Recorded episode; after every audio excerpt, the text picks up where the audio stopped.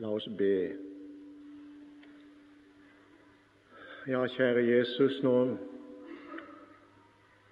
nå får du være oss nær ved Din Hellige Ånd, også i denne time.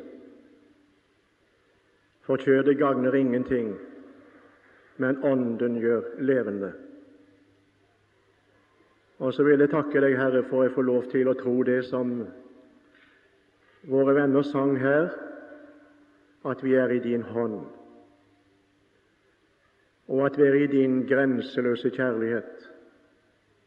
Så ingenting skal kunne rive oss ut av din hånd, og ingenting skal kunne skille oss ifra din kjærlighet i Kristus Jesus, verken det som nå er, eller det som komme skal.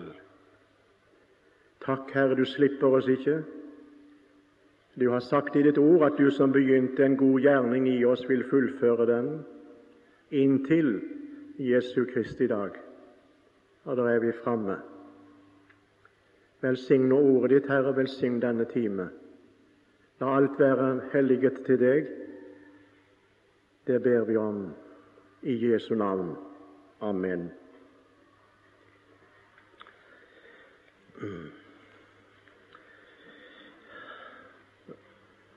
Jeg kom til å tenke på den avdøde Karel Torp, sogneprest Karel Torp. Han talte på et årsmøte en plass her i landet, og så kom han opp på talerstolen, og så sa han Når jeg så programmet, sa han, for dette årsmøtet, så jeg at jeg skulle tale syv ganger. Så gikk jeg inn til Gud og fikk syv budskap. Det var så enkelt. Så um, enkelt er det i grunnen ikke. Eh, jeg skal ha sju bibeltimer her på dette bibelkurs, og um, et par møter vel også jeg skal være med på. Eh, så jeg trenger mye nåde til å kunne få, få gi noe her fra Guds ord. Og det er et stort emne som er satt opp, det er det. Og jeg må gjerne få lov å si det at det er vanskelig å kunne bli ferdig med det emnet på sju bibeltimer. Åpenbaringen kapittel 4-7. Alle disse kapitlene skal vi være innom. Og Emnet for bibeltimene, disse sju bibeltimene, det er da det som du ser i programmet det som snart skal skje. Det som snart skal skje. Nå skal vi innledningsvis i dag lese fra Åpenbaringen kapittel 1 og fra Åpenbaringen kapittel 22. Vi leser først fra det første kapittel, de tre første vers. I Jesu navn. Jesu Kristi åpenbaring som Gud gav ham for at han skulle vise sine tjenere det som snart skal skje. Og han sendte bud ved sin engel og kunngjorde det i tegn for sin tjener Johannes, som har vitnet om Guds ord og Jesu Kristi vitnesbyrd, alt det han så. Salig er den som leser. Her står det 'den'. Og de som hører det profetiske ord og tar vare på det som er skrevet der, for tiden er nær. Vi går til kapittel 22 og leser derifra vers 6 til 10.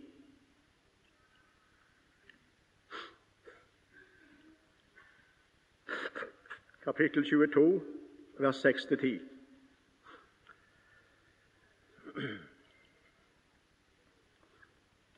Og han sa til meg, disse ord er troverdige og sanne. Og Herren, den Gud som utdeler sin ånd til profetene, har sendt ut sin engel for å vise sine tjenere det som snart skal skje. Og se. Og det betyr vær oppmerksom. Når det står 'se' i Bibelen, så betyr det Vær oppmerksom. Se hvor stor kjærlighet Faderen har vist oss, at vi skal kalles Guds barn. Skriver Johannes. Det betyr vær oppmerksom på det. Ikke se med øynene, men vær oppmerksom. Se og se, jeg kommer snart. Salig er den som tar vare på de profetiske ord i denne bok. Og jeg, Johannes, er den som så og hørte dette, og da jeg hadde hørt og sett, falt jeg ned for å tilbe for den engels føtter som viste meg dette. Og han sier til meg, var deg for det. Jeg er din og dine brødre profetenes medtjener. Og så legger du merke til, det står videre, og deres som tar vare på ordene i denne bok. Gud skal du tilbede. Og han sier til meg, du skal ikke sette seil for de profetiske ord i denne bok, for tiden er nær. Amen. Jeg vil gjerne først her i bibeltimen i dag eh, få si litt om selve åpenbaringsboken. Og Det må være det første romertallet vi setter opp hvis vi skal disponere det. Og Jeg vil gjerne disponere stoffet så godt jeg kan for dere som noterer. Nå har Audun Gjelvik talt litt også i dag om, eh, i sin bibeltime om, om boka. litt, Men jeg har likevel lyst til å legge noe til det som har vært nevnt i den forbindelse. Og Det første da, punkt under hovedpunkt 1, det er forfatteren og stedet og tittelen. Disse tre ting forfatter, sted og tittel på boka.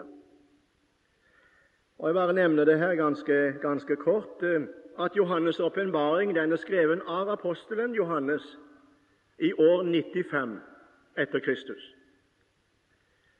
Og Vi skjønner det at apostelen er ingen ung mann når han kommer og skriver denne boka. her. Eh, de regner jo med at apostelen Johannes var en eh, ung mann i 20-årsalderen på den tid han vandret sammen med Jesus. Nå er det 95 år etter Kristi fødsel at denne boka er kommet til, og du kan selv regne ut dag omtrent hvor gammel Johannes må være når han skriver åpenbaringen. Han er ikke ingen ung mann. Det forstår vi. Han eh, blir eh, sendt til Patmos av eh, keiser Domitian.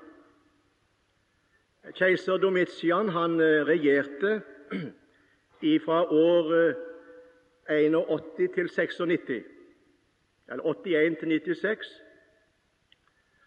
Og 95 var da det året som Johannes' åpenbaringboka ble skrevet, altså det siste år av denne keiserens regjeringstid.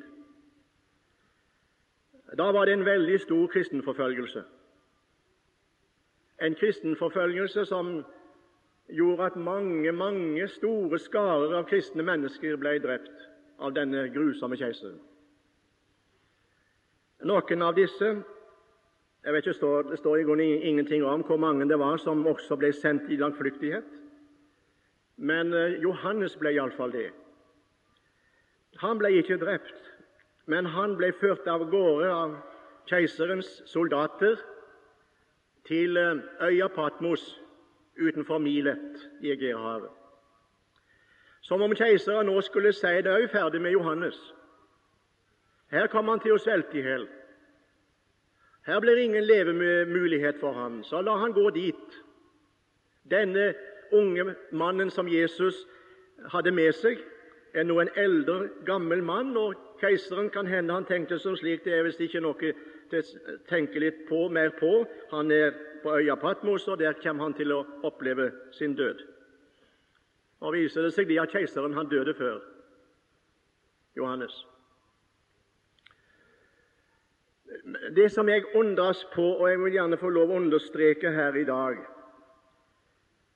det er dette her at det hender av og til at Satan og hans håndlangere gjør en bjørnetjeneste for seg. I det at han sender Johannes og tillater Johannes Den disippelen som Jesus elsket, kaller han seg for i sitt evangelium. Det er merkelig, det, du. Når han skriver sitt evangelium, skal du ikke finne en eneste plass iallfall har ikke jeg funnet det, at han kaller seg med navn. Men han sier alltid 'den disippel som Jesus elsket'. Og til og med etter oppstandelsen så forstår jo Simon Peter og de andre disiplene at Johannes har en særstilling hos Jesus.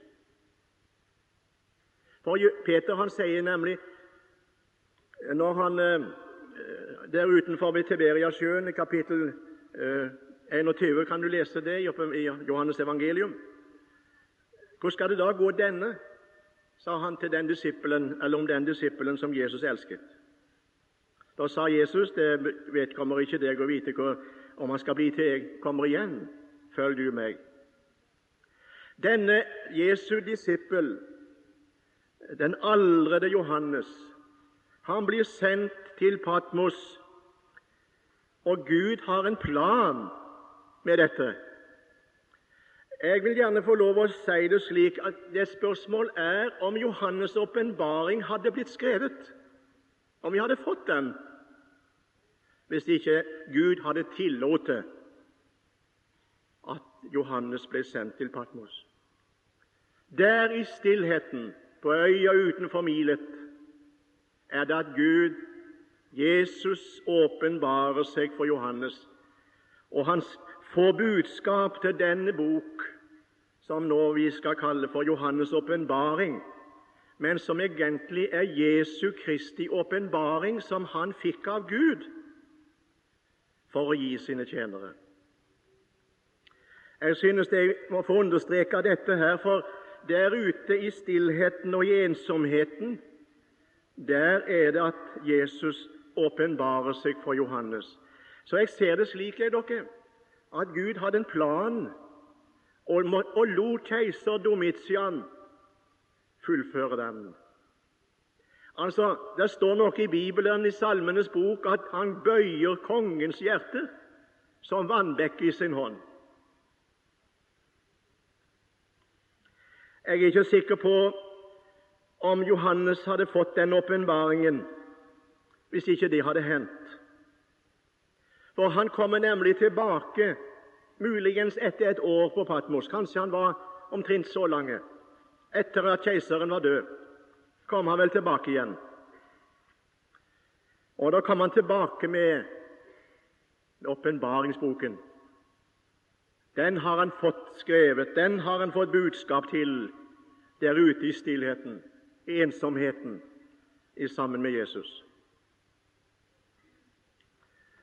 Og Jeg må gjerne få lov å understreke også det her i, i dag, at det er der ute, i stillhet og i ensomhet, at Jesus får åpenbare og avsløre og avdekke disse veldige sannheter som eh, Johannes får skrive ned her.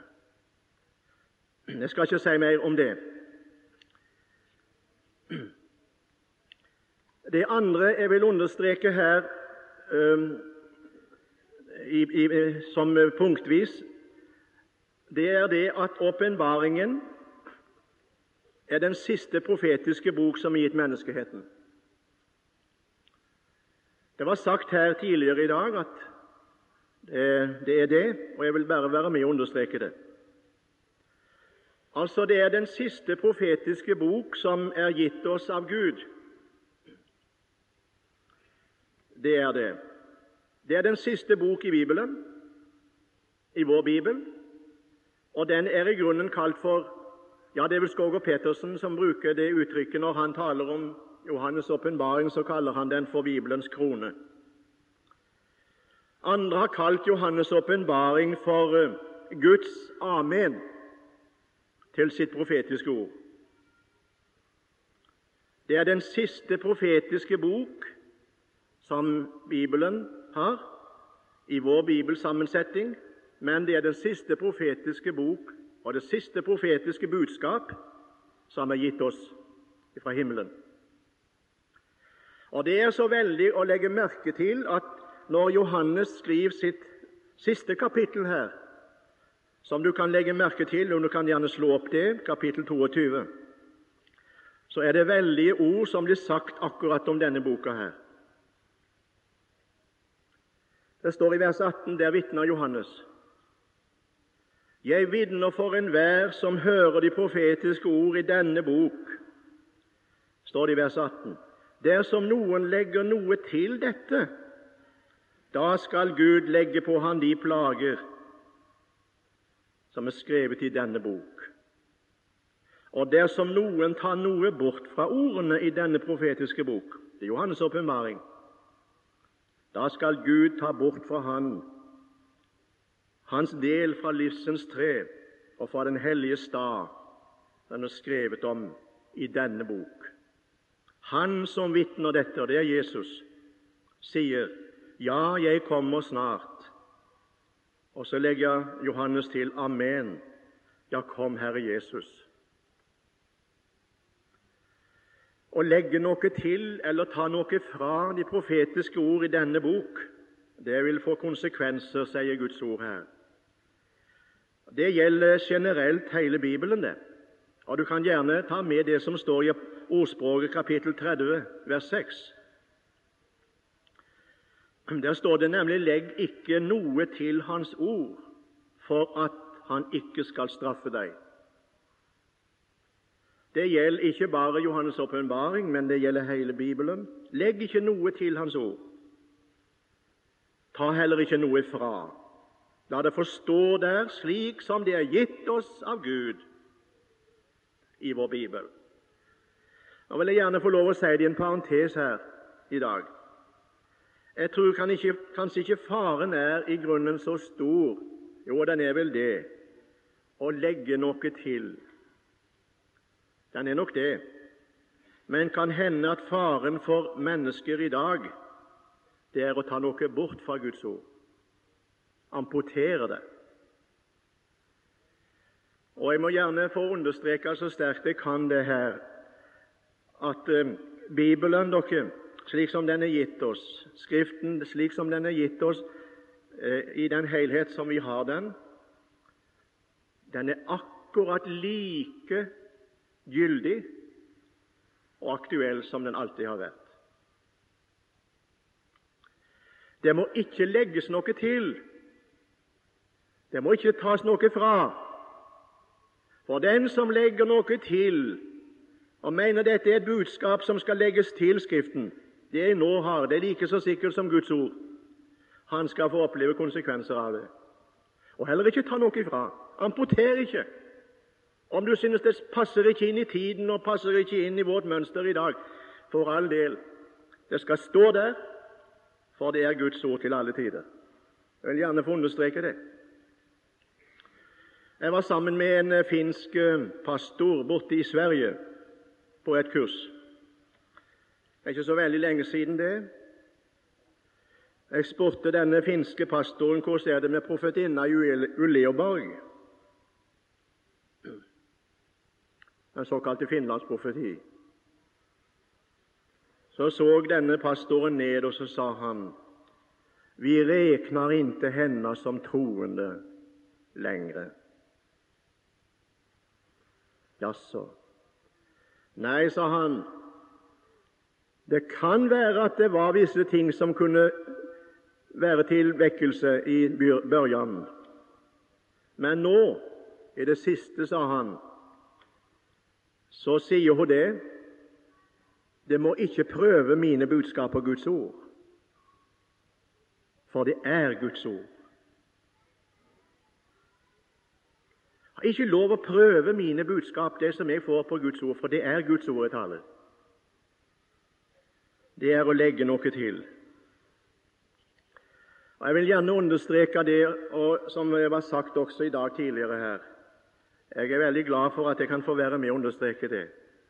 Hvor budskap det enn måtte være, hvor det kan høres ut at det er Gud som står bak. Det er syner, det er profetiske taler, osv. Jeg er så helt enig med det som er sagt. Profetisk tale er ikke å tale noe nytt som ikke står i Bibelen. Men profetisk tale det er ved Guds ånd å formidle det som er gitt. i Bibelen. Få lys over det. Og Derfor er det disse tre tingene som var nevnt også her. Å tale til oppbyggelse, formaning og trøst ut ifra det profetiske ord som er gitt oss i Skriften. Jeg må få understreke det. For det tredje Åpenbaringsboken er tegnenes bok. Hele boka er full av tegn. Det er bilder som brukes, det brukes symboler. Og Derfor heter det det i kapittel 1.1 Se, han kunngjorde det i tegn for sin tjener Johannes. Han kunngjorde det i tegn for sin tjener Johannes. Og Jeg må gjerne få si det her i dag at jeg tror nok det at Johannes ble klar over hva tegnene gjaldt. Så han, eh, han skrev ikke i bok uten å vite det, hva det, var, det betydde. Og Derfor må vi også, når vi skal lese Johannes' åpenbaring, forstå det at dette er tegn, dette er symbolikker, dette er billedlig tale. Når det tales om firetallet, f.eks., sjutallet, tolvtallet, 24-tallet, som vi skal komme inn på litt, rytteren på den hvite hesten, dyret fra havet, dyret fra jorden, livsvesenet og de 24 eldste, osv., osv. Det er bilder som brukes. Disse er skrevet for at vi skal lære og ikke være uvitende. Og Jeg må gjerne få lov å si det her. Jeg tror personlig det at jeg skal få lov til å være med og formidle noe av dette her nå, som Gud har lagt på meg. For jeg tror dette, når det gjelder disse tallene her Jeg skal komme inn på en del av dem. Så tror jeg det at det er ikke skrevet for at ikke vi skal bli vitende for det om det, men fordi at vi skal granske det for vi skal undersøke det og forstå litt mer av det. Det er ikke skrevet fordi at ikke vi skal kunne forstå det, men det er skrevet fordi at vi skal arbeide med det, granske det og sette oss inn i det. Og La meg nevne for det fjerde Åpenbaringsboken er en åpen bok. Kapittel 22, 10. Og han sier til meg du skal ikke sette seil for de profetiske ord i denne bok, for tiden er nær. Når Daniel, profeten Daniel fikk sin bok, eller skrev sin bok, så du kan lese om i kapittel 12 i hans bok, og vers 4, vers 9 og 10 Jeg skal ikke ned for å slå det opp, men noterer du det ned, så ta det med. Kapittel 12, 4, Daniels bok og vers 9 og 10 i kapittel 12. Da står det nemlig det at det var sagt til Daniel når han eh, eh profeterte der, slutten av boka si, så ble det sagt Sett seil for de profetiske ord i denne bok. Sett seil for den inntil endens tid. Altså, Daniels bok var en forsegla bok inntil endens tid. Når Johannes skriver sin bok og får budskapet til den, blir det sagt sett ikke seil. Sett ikke seil for de profetiske ord i denne bok, for nå er tiden nær. Nå er tiden nær. Altså endetiden er kommet. Nå er den kommet. Nå skal det ikke være en forsegla bok. Og Dette vil jeg gjerne understreke fordi, venner, åpenbaringen er en åpen bok på den måte at Den hellige ånd opererer her. Det er mange som sier dette, og jeg har hørt det også, at du våger å tale om disse ting som står i åpenbaringen. Det er jo så dunkelt. Det er jo så vanskelig å forstå dette her. En må helst tie med det, for, for Johannes' åpenbaring kan vi i grunnen ikke forstå øh, noe ting av. Jeg vil gjerne her fra denne talerstolen få si det rett ut. Kjære forsamling, hva forstår vi egentlig av Skriften i det hele? Ja, hva forstår du? hvis ikke Den hellige ånd vil åpenbare hemmelighetene for oss, slik som vi hørte det i bibeltimen i dag, så forstår vi ingenting. Vår formørkede forstand, synger sanger, kan jo ikke sannhet kjenne uten din den gode ånd vil sitt lys i oss opptenne. Og Jeg vil gjerne understreke det her i dag, at Den hellige ånds operasjonsfelt, der Han skal åpenbare Herrens ord for oss, gjøre det levende for oss, ta sløret til side så vi får Åndens opplyste øyne, som vi også hørte om, er hele Bibelen. Han er også i åpenbaringen. Den hellige ånd er også i åpenbaringen. Jeg pleier å si det til elevene på bibelskolen, jeg vil gjerne få si det her i dag òg. Dette er Den hellige ånds tale, talerstol. Ordet, Bibelen som er gitt oss, er Den hellige ånds operasjonsfelt. Her taler han, her herliggjør han Jesus for oss, her møter han oss, her åpenbarer han sine hemmeligheter, eller Guds hemmeligheter for oss. Og Jeg vil gjerne si åpenbaringen, venner, det er en åpen bok. Sett ikke seil, for tiden er nær.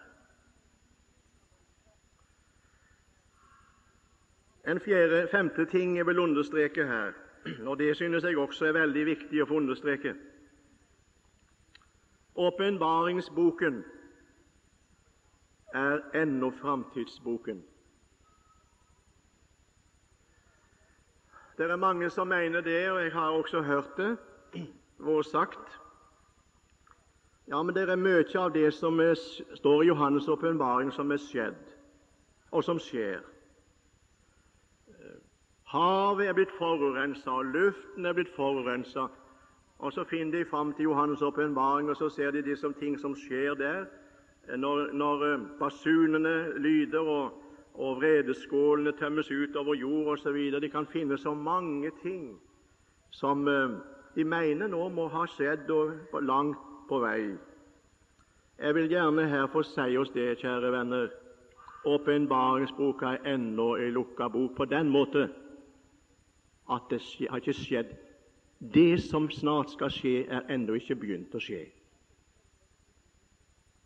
Det er jeg blitt overbevist om.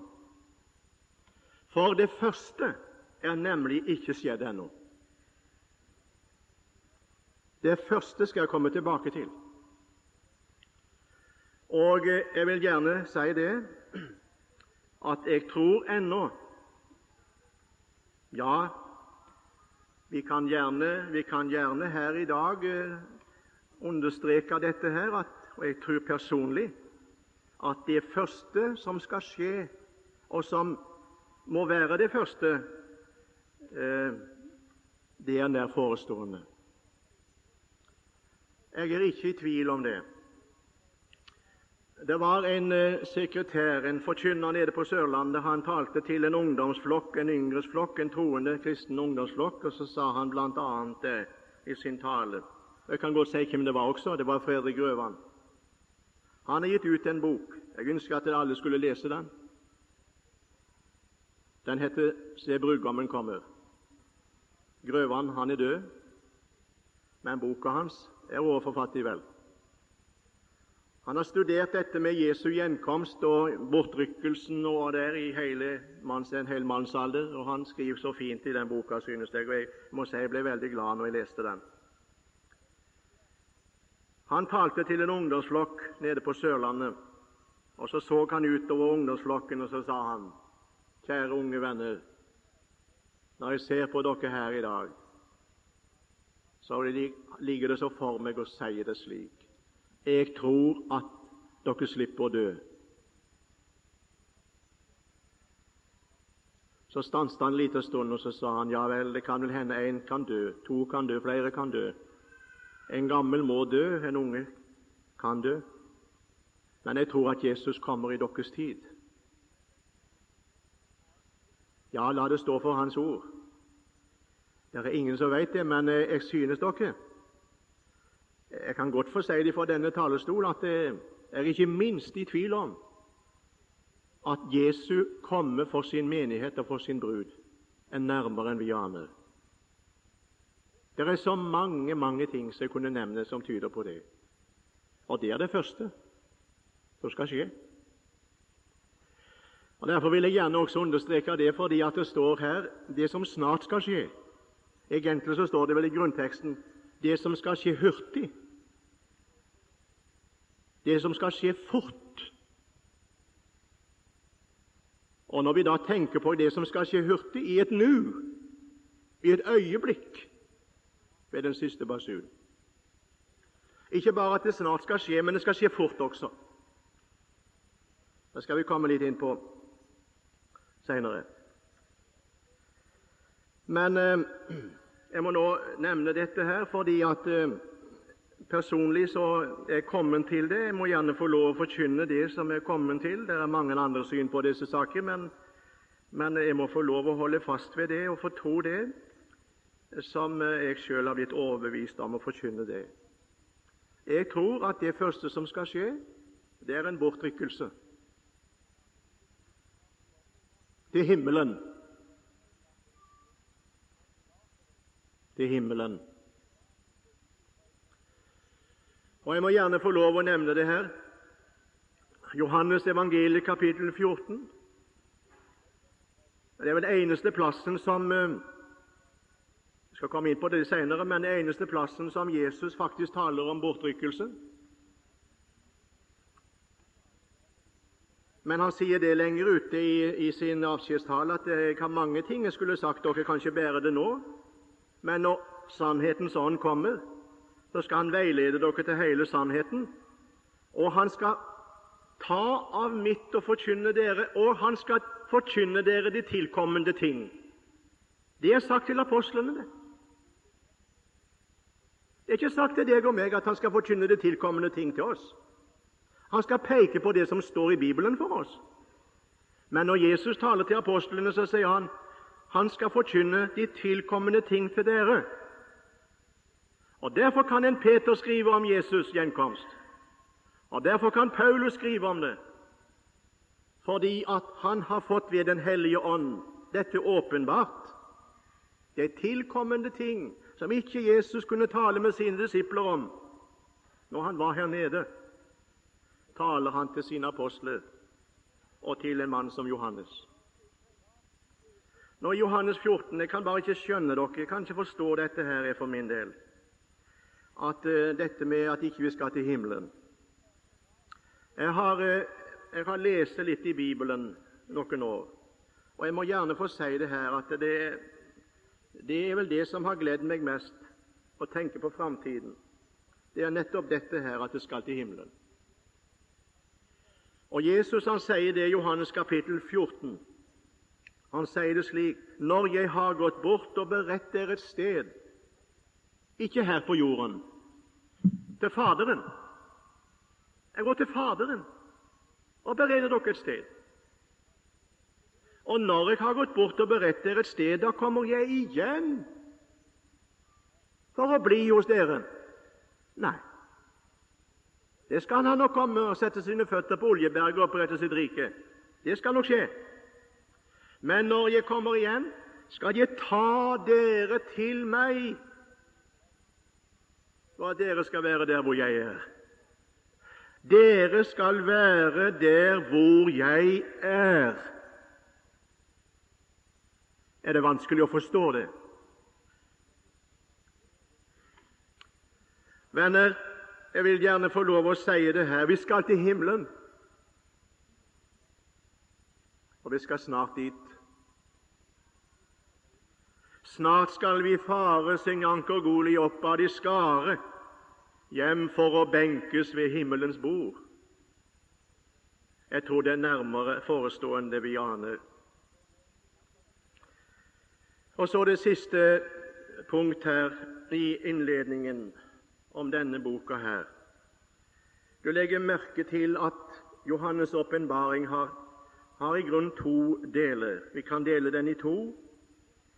Den første del det er det som er kapittel 2 og 3. Kapittel 1 er innledning til åpenbaringsboken, og kapittel 2 og 3 er om menighetene, tilstanden i menighetene. det som er. Mens den store hoveddel av Johannes' åpenbaring begynner i kapittel 4, og det er den største hoveddel, som kan da settes under den overskriften 'Det som skal skje heretter', eller 'det som snart skal skje'.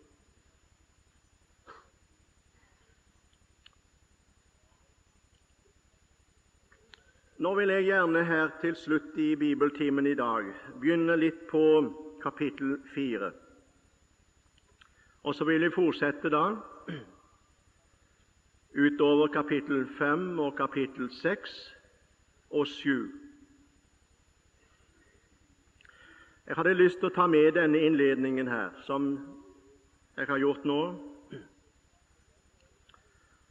Og Nå skal vi lese de elleve første vers, eller elleve Vi kan lese hele kapittelet. Det er elleve vers i kapittel fire, som da er begynnelsen til det som eh, vi skal si litt om videre. Kapittel fire, vers 1 til 11. Deretter så jeg, og se, det var en dør åpnet i himmelen. Og den første røst som jeg hadde hørt liksom av en basun som talte med meg, sa:" Stig opp her, og jeg vil vise deg det som skal skje heretter. Straks var jeg bortrykket i ånden, og se, en trone var satt i himmelen, og det satt en på tronen. Og han som satt der, var å se til liksom jaspis og sardersten, og det var en regnbue rundt omkring tronen, og se til liksom en smaragd. Og rundt omkring tronen var det 24 troner, og på tronene så jeg 24 eldste sitte, kledd i hvite klær, med gullkroner på sine hoder. Og fra tronen går det ut lyn og røster og tordener, og foran tronen brenner syv ildfakler, som er de syv Guds ånder. Og foran tronen er liksom et glasshav likt krystall, og midt for tronen og rundt om tronen er det fire livsvesener fulle av øyne for og bak. Og Det første livsvesenet likt en løve, det andre livsvesenet likt en okse, det tredje livsvesenet er likt et åsyn som et menneske, og det fjerde livsvesenet likt et flyvende ørn. Og De fire livsvesenene har hver især av dem seks vinger rundt omkring, og innenfor er det fulle av øyne. De holder ikke opp dag eller natt med å si:" Hellig, hellig, hellig er Herren Gud, den allmektige, Han som var og som er, og som kommer. Og når livsvesenet gir Ham som sitter på tronen, Ham som lever i all evighet, pris og ære og takk, da faller de 24 eldste ned for Han som sitter på tronen, og tilber Han som lever i all evighet, og kaster sine kroner ned for tronen og sier:" Verdig er du, vår Herre og Gud, til å få prisen og æren og makten, for du har skapt alle ting, og fordi du ville, var det til og ble de skapt.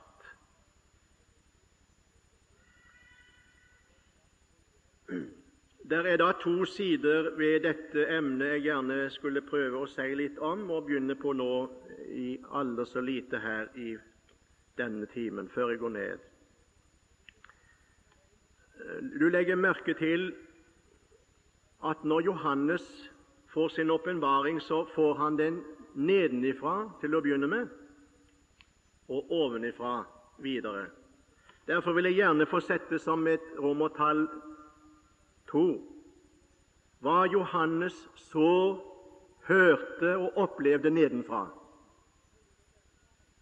Da er han på øya Patmos og blir bortrykket på Herrens dag, eh, står det.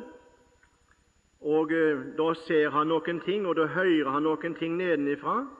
Det andre får han høre ovenifra og får se ovenifra. Vil gjerne få lov å dele disse i to, dette i to. Hva Johannes så, hørte og opplevde nedenfra. Og Jeg skal bare her ganske kort nå til slutt få nevne at han så for det første en åpnet himmeldør. Han sier det slik 'Jeg så en dør åpnet i himmelen'.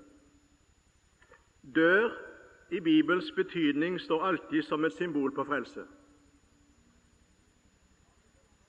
Johannes 10, vers 9.: Jeg er døren, den som går inn gjennom meg, han blir frelst.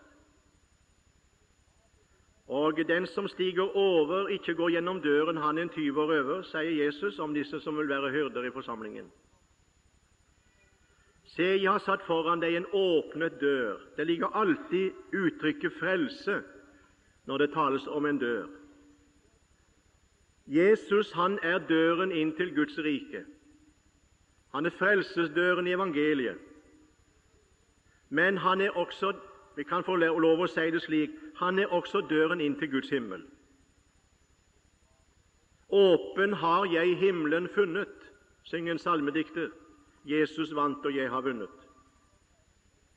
I en sang som vi synger en del, så het, synger vi 'Han skal åpne perleporten så at jeg får komme inn'. Jeg vil gjerne få lov å si på originalen heter det ikke det. På originalen heter det 'Han har åpnet perleporten så at jeg får komme inn'. Gjennom blodet har Han frelst meg og bevaret meg som sin. Han har åpnet perleporten. Himmeldøren er åpen, venner. Så sikkert som frelsesdøren inn til Guds rike er åpen gjennom Jesu Kristi død på Golgata, så er himmeldøren åpen. En åpen himmel er over oss. Døren inn til Guds himmel og salighet er åpen. Og hva er den åpen for? Den er åpen til frelse for de frelste. Vil du ta det med? Døren, himmeldøren, er åpnet til frelse, evig frelse, for de frelste. Og Jeg vil gjerne få lov å si det her i dag. Vi er venta i himmelen. Ja, vi er venta. Vi skal ikke banke på. Og tenk en gang når alle fram skal stemme til himmelens port, og alle banker på. Ja, det blir merkelig hvis det skulle skje. Nei, du skal slippe banke på, venner. Jeg kan godt forstå Mathias Orhem når han synger det der, for det er en vekkelsestid han skrev det der. Og det var for å vekke noen, om det skal være utenfor eller innenfor. Nei, himmelen skal ikke bankes på, venner, for døra står åpen. Det er Jesus Kristus ved sin stedfortredende lidelse og død på Golgata kors som har åpna frelsens dør for oss. Ikke bare inn i frelsen, men også inn i den salighet som venter oss fordi vi er frelste. Det er en frelsesdag som forestår. La meg få lov å nevne ganske kort noen bibelord. Tre bibelord før jeg går ned. Eller fire. Romerbrevet 13, vers 11. Kan du ta det med? Der apostelen skriver slik Frelsen, skriver han, er oss nærmere nå enn den gang vi kom til troen. Altså frelsen, den fullkomne, evige, salige frelse, er nærmere nå enn den gang vi kom til troen. Ja, det er mellom 40 og 50 år siden jeg kom til troen.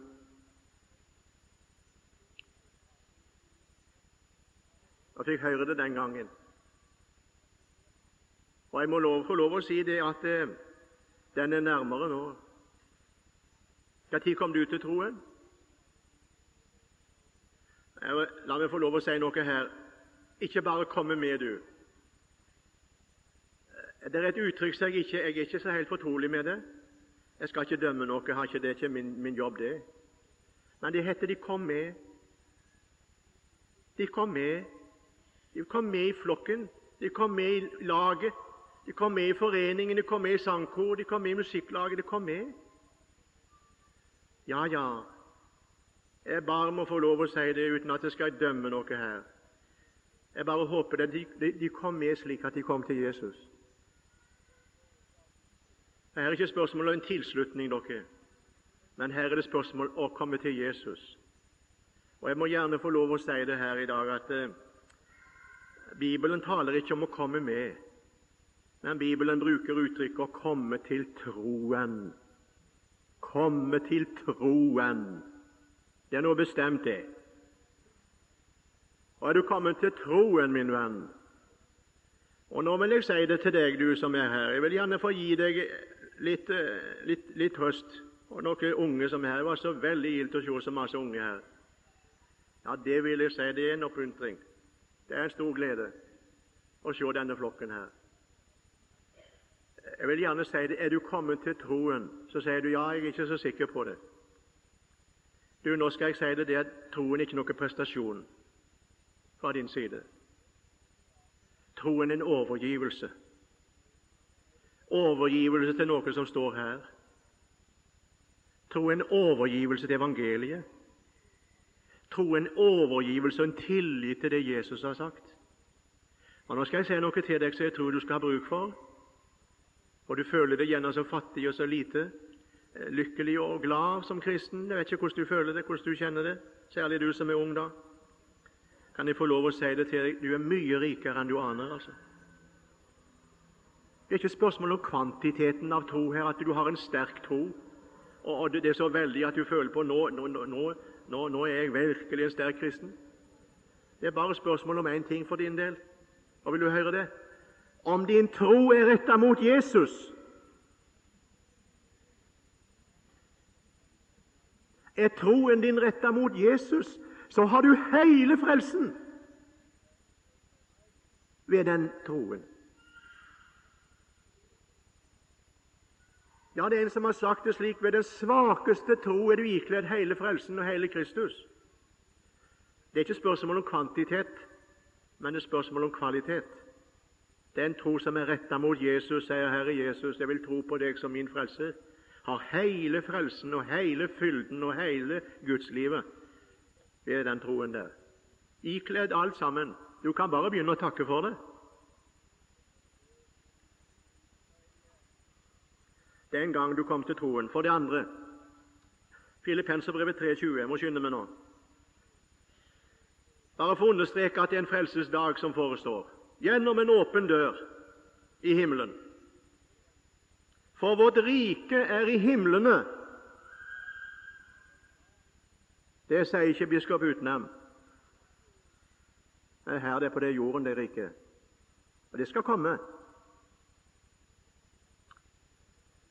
Han skal sette sine føtter på Oljeberget. Det skal komme et rike her på jord, men det kommer siden, det. Han kommer med sine hellige da. Nå kommer han for å hente sine hellige. Jeg kan ikke se det annerledes, jeg. Vårt rike er i himlene, og derfra venter vi òg den Herre Jesus Kristus som frelser. Vi venter han, han skal komme ned fra himmelen, og riket vårt er der oppe. Men han skal komme ned, og så skal han komme, og så skal han frelse oss inn i sitt himmelske rike. Er det så enkelt, synes jeg, forstått i Bibelen her, at jeg, jeg synes et lite barn må forstå det? Når riket er der oppe, så skal han komme og hente oss opp hit. Vi venter han som frelser. Hebreerbrevet 9,28. Annen gang skal han åpenbare seg uten synd, dvs. Si uten forsoningstanke, uten å ha noe med synd og soning å gjøre. Og det har han gjort en gang for alltid. Frelsesverket er fullbrakt. Han skal åpenbare seg uten synd til frelse for dem som venter på ham. Til frelse. Den frelsesdør som står åpen i himmelen. Og så til slutt 1. Peter 1,5. Dere som ved Guds makt holdes oppe ved troen til den frelse som er ferdig til å bli åpenbaret i den siste tid. Dere som ved Guds makt holdes oppe ved troen til den frelse som er ferdig til å bli åpenbaret i den siste tid. Johannes han så en åpen himmel. Og kjære forsamling, ungdom og eldre, den døra er åpen i dag, og vi er venta. Vi er venta. Gud gi at vi må få se det, og glede oss over dette at ikke vi bare er frelste her på denne jord, men vi er frelste ved Jesu Kristi blod, ved lammets blod, ved forsoningen, for at vi skal frelses inn i det himmelske riket. Og er du her som ikke er frelst, så vil jeg gjerne få lov å si deg frelsesdøra inn til Guds rike, inn til frelsen her, den står åpen i evangeliet for deg i dag. Og du må skynde deg å komme inn, å komme inn den, gjennom den døra. Og det som er innenfor her, blir innenfor der. De som er utenfor her, blir utenfor der. Gud gi at noen måtte finne inn gjennom den åpne frelsesdør. Og så skal snart det skje som sangeren synger når de frelste toger inn. De frelste toger inn gjennom himmelens åpne dør. Skal vi gå videre neste bibeltime og tale om det andre som Johannes ser nedenfra. Herre Jesus,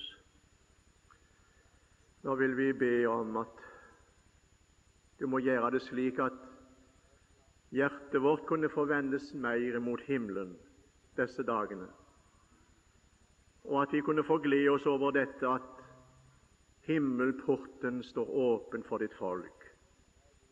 Herre, det var dette vi gjerne ville få peke på, og det var dette som vi gjerne ville understreke her i disse bibeltimene.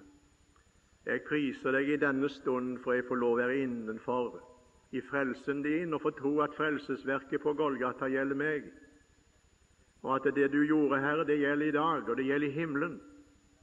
Og det er garantien for at jeg skal nå inn en dag. Jeg priser deg også, for jeg tror at åpen har jeg himmelen funnet, og Jesus vant, og jeg har vunnet. Må du signe videre dagen for oss og møte i kveld og bibeltimen som nå skal være, igjen ved Din Hellige Ånd. Amen.